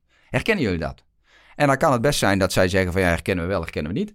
Ehm, als ze zeggen herkennen we wel, nou mooi, dan weten we waar we moeten werken. En als ze zeggen herkennen we niet, dan kan het natuurlijk ook heel goed te maken hebben. Als bijvoorbeeld is het, eh, het eh, onder de druk uit voetballen, hè? Dus, de- dus je aanname onder Hm. druk. Ja, nee, dat zien we helemaal niet zo. Ja, maar goed, die druk bij een nationaal team, mag ik hopen, is hoger als bij de club. Ja. Dus zou het dan te maken eh, kunnen hebben met de weerstand? Ehm, ja, dat, dat kan natuurlijk prima. Nou kunnen we het ook nog koppelen aan beelden, hè? dus door het te laten zien. Eh, en vervolgens kunnen we natuurlijk samen met die club gaan bespreken... oké, wij vinden dat ze daar, om internationaal echt aan te kunnen haken... nog wat stappen moet maken. Kunnen we daar, kun je dat meenemen in jouw eh trainings? eh, Kunnen we daar samen in optrekken? Hè? Dus dat is wel interessant om het op die manier... dat- Dan ga je in ieder geval heel gericht praten. Dan, dan, dan zit er niet meer eh, iets wolks omheen. Het is gewoon dat en dat en dat is het. Dat is ons opgevallen. En dat is dus dan ook jullie manier van scouten. Eh, ja, nou, in, in de scouting kijken we ook vanuit diezelfde structuur eh, zoals het profiel is opgebouwd, ja. Zullen we het eh, profiel eens even, even induiken? Doe eens. Ik heb, een, ik heb een pagina voor me staan over verdedigen. Mhm. Om daar mee te beginnen, misschien het meest herkenbaar voor veel keepers. En dan ja, waar keepers vaak op afgerekend worden. Verdedigen bestaat uit veel meer, maar doelpunten voorkomen. Ja. Nou, daarin eh, staan er een aantal competenties beschreven bij, nou, ik zal even de kopjes opnoemen. Schot op goal, eh, balverwerking, dus hoe vang je een bal of hoe raap je een bal op. Vallen, duiken, zweven, eh één tegen één duel en positie kiezen tijdens, nou, het, tijdens een doelpunt voorkomen. Ja. Ehm, nou, we kunnen wel eens even eentje eruit uit, pikken. Laten we zeggen de uitgangshouding bij een schot op doel. Ehm, nou, misschien kun je ons er een beetje doorheen eh, praten. Ja, hoe eh, hoe is kan. dit opgebouwd en wat, ja, wat, wa- welke competenties worden wanneer verwacht? ja, precies. Nou, die, die, die komt natuurlijk al vrij vroeg voor. want daar heb je op jonge leeftijd ook al mee te maken. En die kun je dan ook wel prima aanleren al. Ik zeg het al, aanleren. Ja, dus we hebben die drie stadia. Ja. Dus wij zeggen dan nu, zoals het nu in het profiel staat... eh, als je onder 1112 daar eh, wel mee aan de gang zou gaan... of je, je haalt die spelers af en toe bij, eh, bij de keeperstraining... dan is dat prima om daar eh, je aandacht op te richten. Van hoe sta je nou eigenlijk klaar? Dus dan zit je in de fase aanleren. Doen we dan nog in een geïsoleerde situatie. Hm. Eh, vervolgens, bij onder 13 hebben we bijvoorbeeld staan... oké, dan, dan ben je een stapje verder...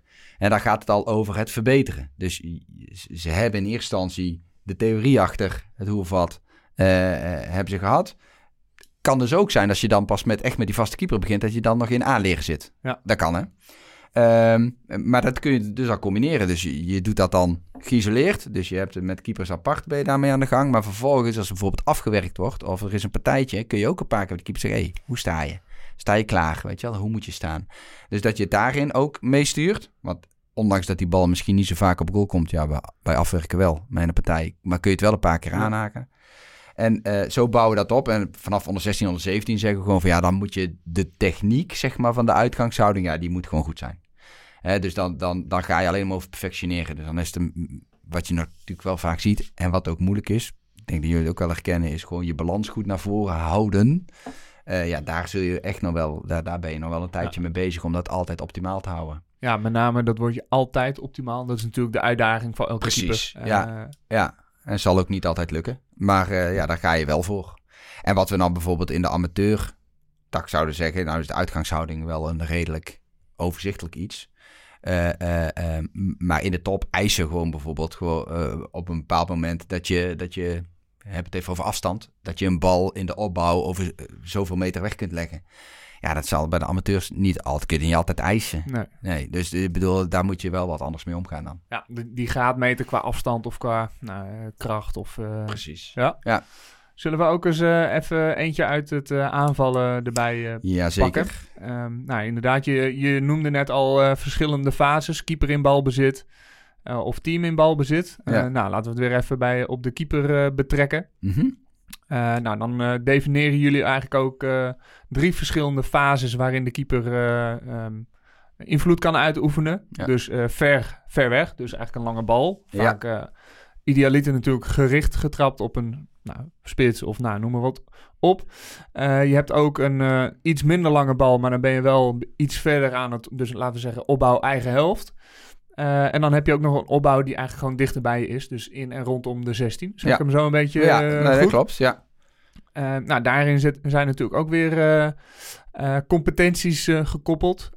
Met nou, hoe, hoe herken je hoe de tegenstander staat, aannames, het nacoachen, passing kort, laag, hoog, slingerworp, minimale afstanden. Nou, Ja. die zijn ook allemaal per, per, per leeftijdscategorie eigenlijk aangegeven. Ja.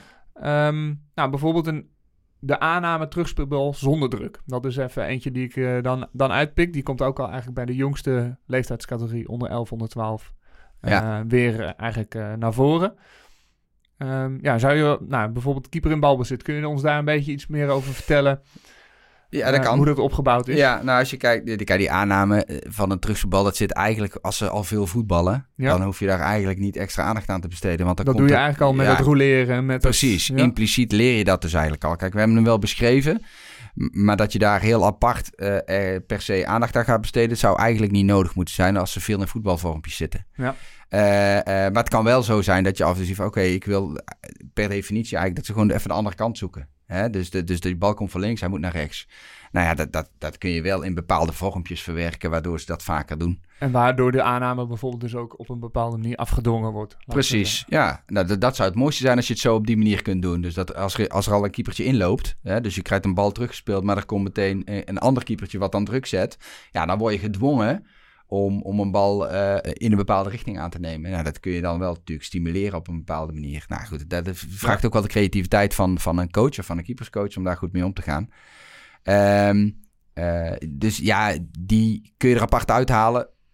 Maar ik zeg al, als je veel voetbalt, dan zou Zou, dat die eigenlijk al zou dat idealiter... eh, precies, precies.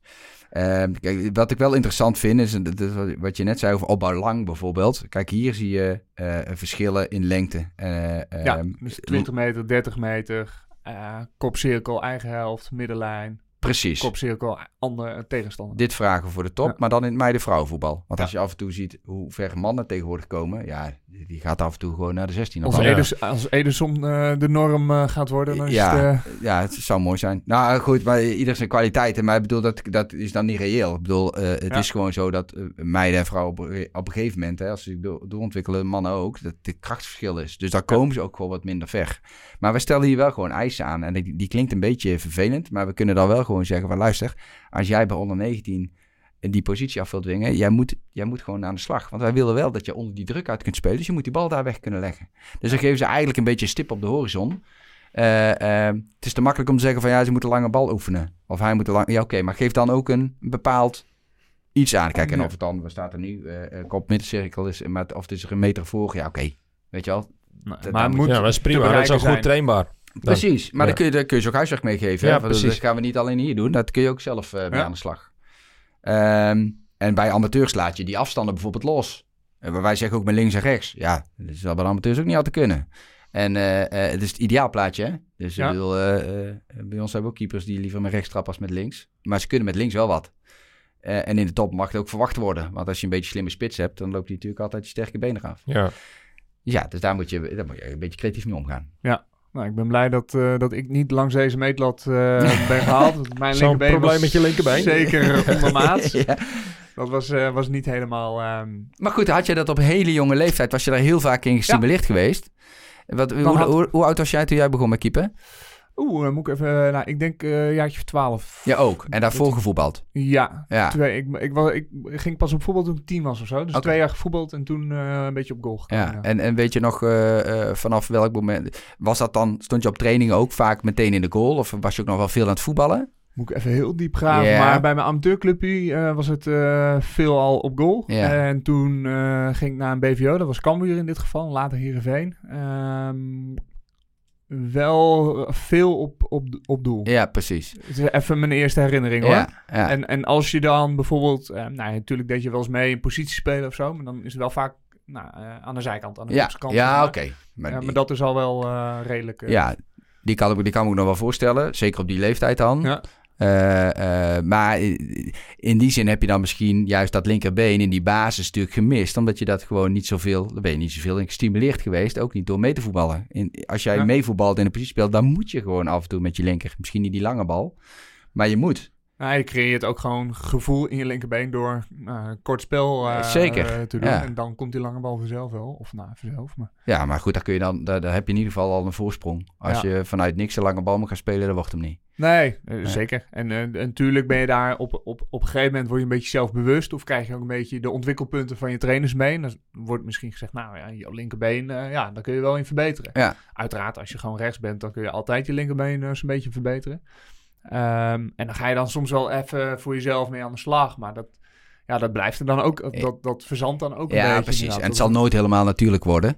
eh, Nee. Mede daardoor. Maar eh, Op die leeftijd niet meer. zeg nee, nee. Maar ik heb volgens mij mijn ehm, eerste of tweede jaar bij FC Volendam... Werd die, eh, werd die regel toen ingevoerd met die terugspelbal. En ik had destijds, ik weet niet wie Ben je ik al zo oud?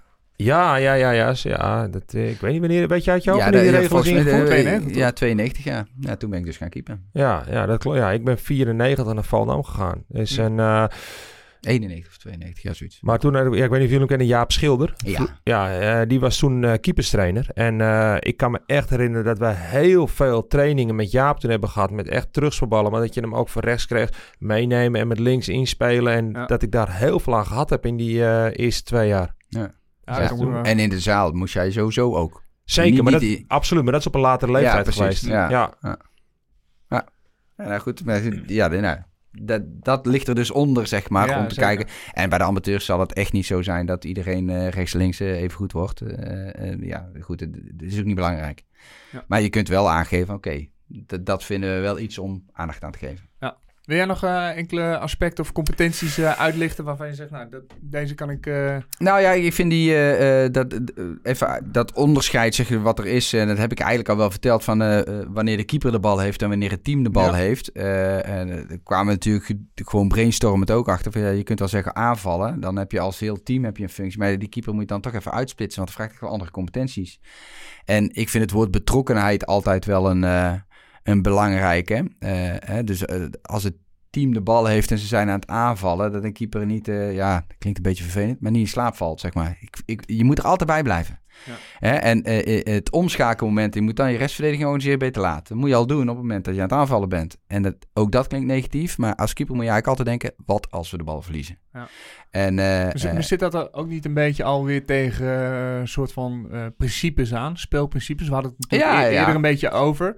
Competenties, speelprincipes, eh, nou, er zit her en der wel eens wat overlap in. ja, Maar- nou ja, in principe wel. Want dat, voor mij is dat een principe dat je altijd op die manier denkt. Ja, en dus, altijd betrokken of ja, ja, hoe, je, ja. dan- hoe je ook formuleert. Dat zou het mooi, dat hebben we ook wel omschreven. Het zit niet precies hierin hoor. Eline en ik hebben dat beschreven. Wat willen wij nou eigenlijk zien als we, eh, als we gaan kijken naar een keepster eh, van het Nederlands team? Maakt niet uit welk team. Wat willen we zien? Dus dat je eigenlijk in één oogopslag een aantal ja. principes of een aantal eh, karaktereigenschappen. Ja, dat is niet helemaal in, in speelstijl kan het Ja, ook karaktereigenschappen zijn. ja, Precies, dat je die ziet en dat je denkt van oké, dat staat een keepster van het Nederlands elftal.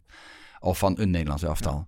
Dus Eh, bijvoorbeeld altijd betrokken, altijd actief. ja, eh, in je coaching, weet je wel, dat je dan op een bepaalde leeftijd dat je aanwezig bent, maar op een goede manier aanwezig. Hè? Niet 90 minuten lang schreeuwen, daar wordt niemand blij van. Maar dat je gewoon dat wat je Ja. zegt snijdt houdt. Maar is dat dan ook te vangen in zo'n competentieprofiel? Dus eigenlijk zeggen, ja, het staat er niet helemaal in. Maar Ja. Ook wel weer een beetje wel. Nou ja, goed, niet helemaal denk ik. Eh, eh, ehm, een aantal punten komen overheen, maar eh, ehm, iedereen heeft, neemt ook zijn eigen kwaliteiten mee. Kijk, want als we nu Jasper Silsi naast leggen, of ik noem Sari van Veenendaal, ja, die zullen niet op alles 100% passen. Nee. Het is een ideaal plaatje. Dus eh, eh, waar de ene heel sterk is in, in, in die coaching, is de andere misschien ietsje minder. Ja, ik bedoel, dat, eh, daar heb je altijd mee te maken. Maar hebben jullie er ook over nagedacht? Hè? Want er zijn een heleboel eh, eh, leermethodieken ook. Dat, dat ze bijvoorbeeld zeggen van joh, eh, je kan beter van een 7 een 9 gaan maken. In plaats van van een 5 een 7 gaan maken. Ja.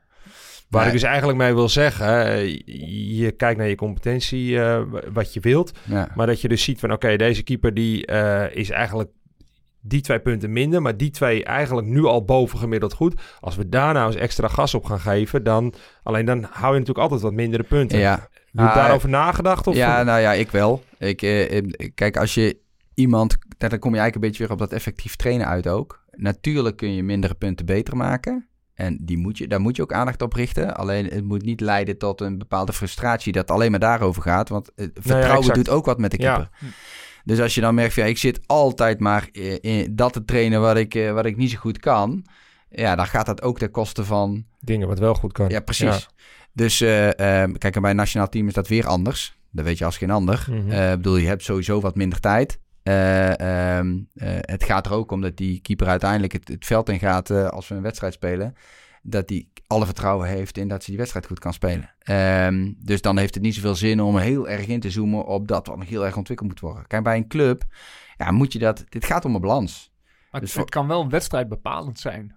Zeker. Want het- ik noem even bijvoorbeeld, stel je hebt een keeper of keeper die er gewoon heel, nou gewoon echt niet goed is in voorzetten. Ja. Nou, een beetje tegenstander analyseert dat en die kan daar het wedstrijdplan op aanpassen. Joh, Ja. dan gooi je gewoon veel eh voorzitten die vijf meter in, want dan is het paniek. Klopt. Nou, dan kun, dan kun je twee dingen doen. Of je accepteert dat niet en je moet een andere keeper opstellen. Ja?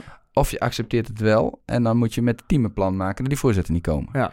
Dus de- de- de- ja, je, Ja, kunt, je kunt niet eh, één op één zeggen van we moeten het zo doen. Je moet daar altijd, ja, ja, soms moet je ook gewoon dingen accepteren. Ja, dat zal nooit een 9 worden. Ja, dat weet je dan. Of het zal misschien nooit een 8 worden. Ja. Maar ze scoort wel altijd een 6 of een 7. Ja, nou goed, dat vinden we gewoon goed genoeg. Of, of eh, ik zeg Omdat zij, ze op andere punten gaan uitblinken. daar excelleert. Ja, Ja. precies. Dat kan prima. Ja, eh, ja, dat, ja. Nou ligt, je zegt denk ik wel terecht, de KNVB heeft natuurlijk een rol in het opleiden. Eh, maar nou, in, in de setting van een nationaal team is dat natuurlijk heel erg minimaal. Omdat je maar Ja. nou, twee, drie trainingen hebt en dan heb je een interland. Ja. Ja. dan ga je niet meer van, vanaf nul beginnen. Nee. Dan, is, dan ligt er natuurlijk wel een flinke basis waar, waarop je eventueel dus voor, voort moet beduren. Ja, waarbij je bij jeugdteams weer een onderscheid... of je moet eigenlijk weer een onderscheid maken tussen de jeugdteams en, en de Ja. elftallen. Hè, kijk, ik bedoel, eh, heb je het over onder 16, onder 17 of onder 19... waarin speelsters en dus ook keepers en keepers nog volop in ontwikkeling zijn... ja, dan heb je die verantwoording samen met de clubs, vind ik. En dan is Ja. het dus handig als je over hetzelfde praat. En dus als je zegt van, dit is ons opgevallen... Hè, weet je, kun, kun, kun je het zo inrichten bijvoorbeeld bij de Ja. club... dat die daarin in uitgedaagd wordt of... eh, Ehm, maar dan wordt het een, ja, dan, dan doe je het samen. Dan krijgt het dat wat je bij het nationaal team ziet, krijgt dan mogelijk een vervolg bij de club. Ja, dat zou natuurlijk mooi zijn, want de eerste volgende keer dat ze dan terugkomt, dan kan ze het bijvoorbeeld beter. Ja. Ehm, dus dat is ook een achterliggende gedachte. En als we naar dit eh, profiel kijken, of misschien, misschien ook wel daarbuiten. Wat is, eh, als we jou vragen, welk onderdeel, welk aspect, welke competentie is het meest doorslaggevend eh, om de top, top te, be- te bereiken? Ja, dat, ja, dat is eigenlijk een competentie die hier niet in beschreven staat. Want dat is namelijk volgens mij toch eh, hoe je er zelf in staat. Dus eh, ehm, Meer en- richting mentale... ja, kijk, ik denk dat je heel veel kunt leren. Natuurlijk heb je een bepaald talent nodig in motoriek en in fysiek. En natuurlijk moet je talent hebben voor, voor een bal hè, en hoe daarmee om te gaan of het spel lezen. Maar ik denk uiteindelijk door, ja, ik zeg wel eens, eh, eh, eh, je verliest nooit, je wint of je leert. Als dat je insteek is op het moment dat je nog jong bent hè, en je kunt dingen relativeren. Daar gaat eh, volgens mij Kostas het ook over, hè, relativeren. Is dat Kostas? Ja, Ja, ik denk het wel, ja. Ehm, eh, je, je kunt zaken relativeren. Daar kun je namelijk uit elk moment ook weer iets leren en daar uiteindelijk beter in worden. Als je dat goed kunt, eh, dan denk ik dat je best wel een eind kunt komen. En natuurlijk spelen er allerlei andere factoren mee, maar ik denk toch dat dat de belangrijkste is. Le- lerend vermogen. Of, ja, lerend vermogen en ook een soort van onverstoorbaarheid hebben dus. Hè? Ja. Dus het, tuurlijk baal je als je een fout maakt. Ik bedoel, het zou heel raar zijn als dat niet zo was. Alleen kun je die fout ook omzetten Ja. In Ah, iets is wel lastig, eh, lastig scouten. Nee, dat, dat is moeilijk scouten. Nee, Ja. daar ben ik met je eens. Dat is zo. Maar kijk, het, het scouten is, is vaak natuurlijk je- je momentopname. Je, eh, Hm. Op dat moment sp- speelt die keeper speelt zo. En dan zie je er nog twee, drie keer. Dus dan heb je wel een beeld van, oké, wat zijn haar basiskwaliteiten? En vervolgens ga je ermee aan de slag.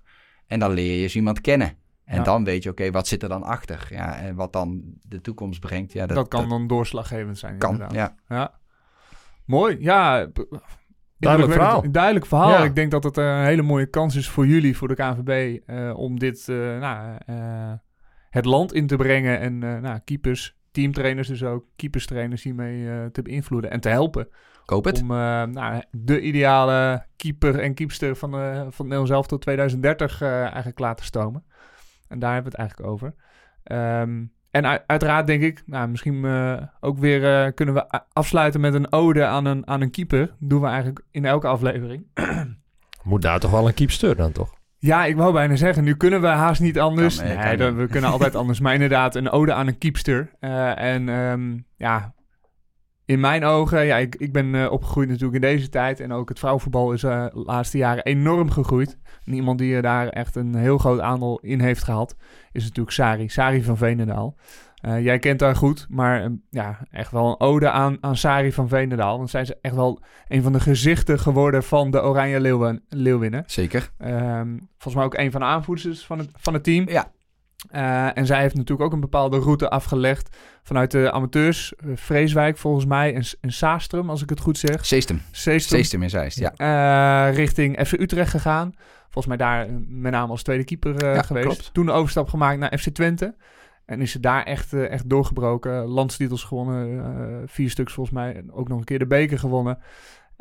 Daar ook international ge- geworden. Ehm, en dat was eigenlijk allemaal nog een klein beetje voordat het vrouwenvoetbal echt eh, groot werd, bekend werd. Natuurlijk was de, eh, de Eredivisie Vrouw, wat nu de Vrouwen-Eredivisie heet trouwens, Ja. eh, al wel. Pure energie, hè? Pure Ja, energie. goed. Ja, Ja, ja, de we hebben een hoofdsponsor. Pure- heel ja, belangrijk. geweldig, mooi. Ja. En ehm, ja, volgens mij toen de transfer gemaakt naar, naar Arsenal, daar wel een stuk minder gekiept. Maar Ja, het laatste jaar. het Ja. laatste jaar met Ja. name ook. Eh, maar wel, eh, eh, nou natuurlijk, toen, het, toen kwam het EK eraan, 2017. En heeft ze daar, nou, je noemde het net al, een heel sterk toernooi gekiept. Mede ook verantwoordelijk natuurlijk voor, voor de EK-winst van, van de Leeuwinnen. En twee jaar later ook een heel sterk EK gekiept, of WK gekiept, sorry, Ja. in 2019. Waarmee ze ook eh, later dat jaar eh, werd onderscheiden volgens mij als beste keepster Ja, van de wereld. Ze werd eerst de beste keeper van het WK. En later dat jaar Ook werd ze beste keeper van de wereld. Ja. Ja, nou dat zijn wel onderscheidingen die eh, volgens mij heel veel inspiratie eh, oplevert richting jongens en meisjes die, die, die willen gaan keepen of die keeper gewoon fantastisch vinden. En dan zo'n keepster aan het werk zien met zo'n prijzenkast en zo'n carrière. Ehm, en nu is ze inderdaad weer terug in de vrouwen-eredivisie, de pure, pure energie. Ja, pure energie. Pure energie, Eredivisie vrouwen- vrouwen. Volgens mij is dat officieel de naam. Ja, Ja. nu eh, speelt ze bij PSV en eh, maakt ze zich op voor eh, de Olympische Spelen. Ehm, ja, wat ik zeg. volgens mij, zoals ik het hoor en ervaar, grote inspiratiebron voor heel veel meiden. Maar ik, hoop, ik denk ook voor heel veel jongens. En een van de gezichten van de Oranje Leeuwinnen. Dus ja, volgens mij een hele mooie ode aan, aan een keepster die, die jij in ieder geval heel goed kent. En ja, ik hoop dat we nog een jaar eh, van haar mogen genieten. En volgens mij eh, de opvolgers, eh, die komen er ook Ja, aan. Dus, zeker weten. Hoe oud is zij eigenlijk? Oeh, ze zijn nou, is, volgens mij zijn nu 30. Oh, dat kan ze nog wel even mee. Dan kan ze nog wel eh, wat toernooien mee, eh, meepakken. Volgens mij denk ik in 2021 weer een toernooi. Ja, want de, de Olympische Spelen zijn natuurlijk uitgesteld Ja. van 20 naar 21. Dus nu hebben we eerst de Olympische Spelen aankomende zomer. Eh 2022 is meteen het EK. Ja, In, eh, daar zijn we, hebben we ons al voor gekwalificeerd. Ja. Dus in Engeland. dat was een makkie, hè? Die, eh, ja, ja, je moet het altijd nog maar doen. Maar, kwalificatie. maar ja. dat klopt, ja. We hebben heel veel gescoord en heel weinig tegen. Eh, ehm, maar ja, het is wel mooi dat je zegt, het is een makkie. Kijk, eh, nu wordt eh, van ons gewoon verwacht. Ja, status. Ja, Ja, ja. Ja. Ja, maar daar kom je makkelijk doorheen. Ja, dat was, eh, dat was vier jaar, vijf jaar geleden eigenlijk helemaal niet zo. Hè? Dan, als je dan plaatst voor een eindtoernooi, dan eh oh, goed gedaan. En nu wordt het gewoon voor lief aangenomen. Ja. Van ja, dat doe je even. Was het eh, WK in Canada? En dat was de eerste keer het WK. eerste? ja. ja. zeker. Toen waren de verwachtingen laag en nu zijn... eh, ja, nu ga je... heb je één keer een EK gewonnen en eh het Precies. WK. Zo gaat het in Nederland, hè? Ja, Ja, ja, niet alleen in Nederland. Dat Nee, denk ik heel veel dat zo. Ja, Ah, dat, dat zegt wel iets over de ontwikkeling Zeker, ook. Zeker. Niet alleen van de keepsters, maar zeker van het hele Ja. team en vrouwenvoetbal. Absoluut waar. Ja, mooi. Top. Wij, eh, we zijn rond. Dit was weer een, eh, een Zijn mooie, Zijn een hoop wijzer geworden. informatieve, mooi leerzame aflevering van de Showkeepers podcast. Eskin, enorm bedankt dat je er weer was. Graag kan gedaan. ik wel zeggen. Graag gedaan. eh, voor deze tweede, tweede opname. Eh, jullie luisteraars bedankt voor het eh, luisteren. Heb jij nog tips wie je te gast wil hebben in deze podcast? Of eh, een thema wat, eh, wat wij moeten bespreken? Of misschien een mooie ode aan een keeper? Eh, onlangs natuurlijk ook eh, de ode aan, ehm, ben ik de naam even kwijt, die van FC Twente gedaan. Theo Snelders. Theo Snelders gedaan. Ja. Eh, die hebben we mogen voordragen. Eh, laat het ons vooral weten via Twitter of Instagram. Het Showkeepers kun je ons vinden. Eh, en vergeet je ook zeker niet te abonneren op ons kanaal via Apple iTunes of eh, Spotify. Eh, en mocht je het een toffe, toffe aflevering vinden of een toffe podcast, ehm, eh, deel het ook op je socials. Want eh, ja, zoals eh, de KNVB eh, met dit profiel eh, keepers wil beïnvloeden, hopen wij ook jullie te inspireren en eh, met mooie gasten te komen. Eh, om nou, zelf ook weer inspiratie te vinden om eh, een nog betere keeper of keepers te vinden. Dankjewel voor het luisteren en eh, tot over twee weken.